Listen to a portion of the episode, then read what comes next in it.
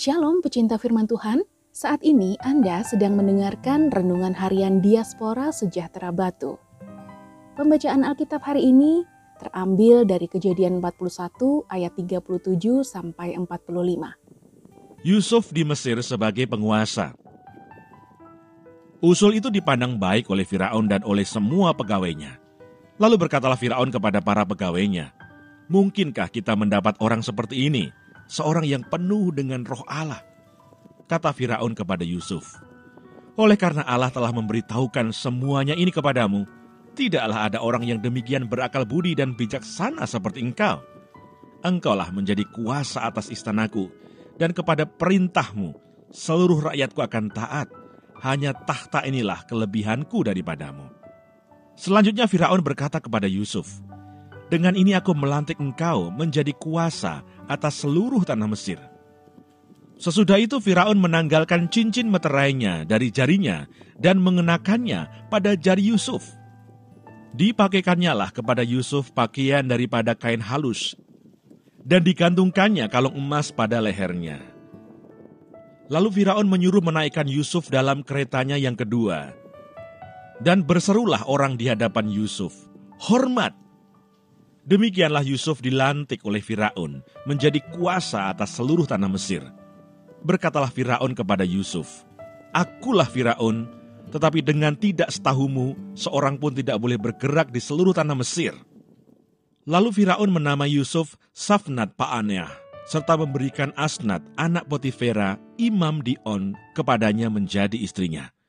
Demikianlah Yusuf muncul sebagai kuasa atas seluruh tanah Mesir.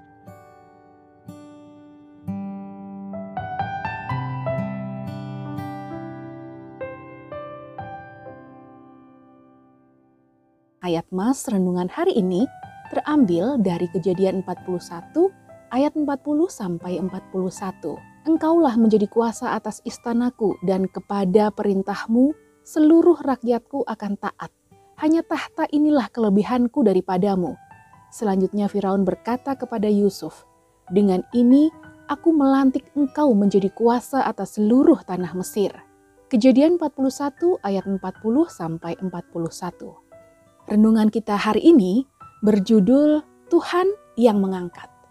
Status Yusuf sebagai budak di rumah Potifar dan juga ketika ada dalam penjara menunjukkan bahwa dia tidak memiliki masa depan.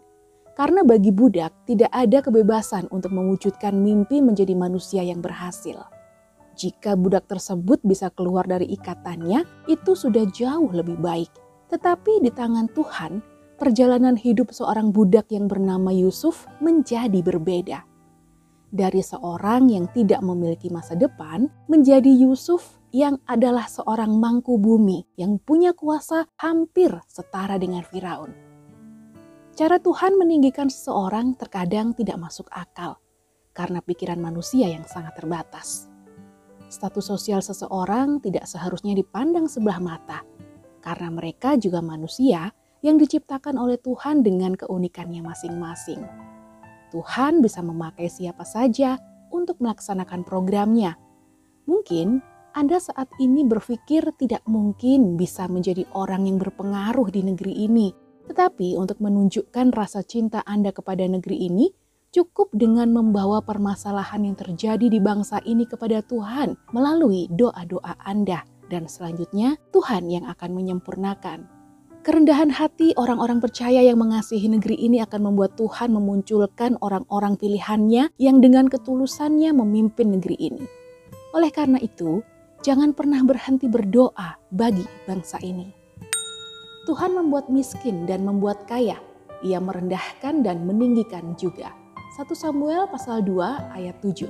Tuhan Yesus memberkati.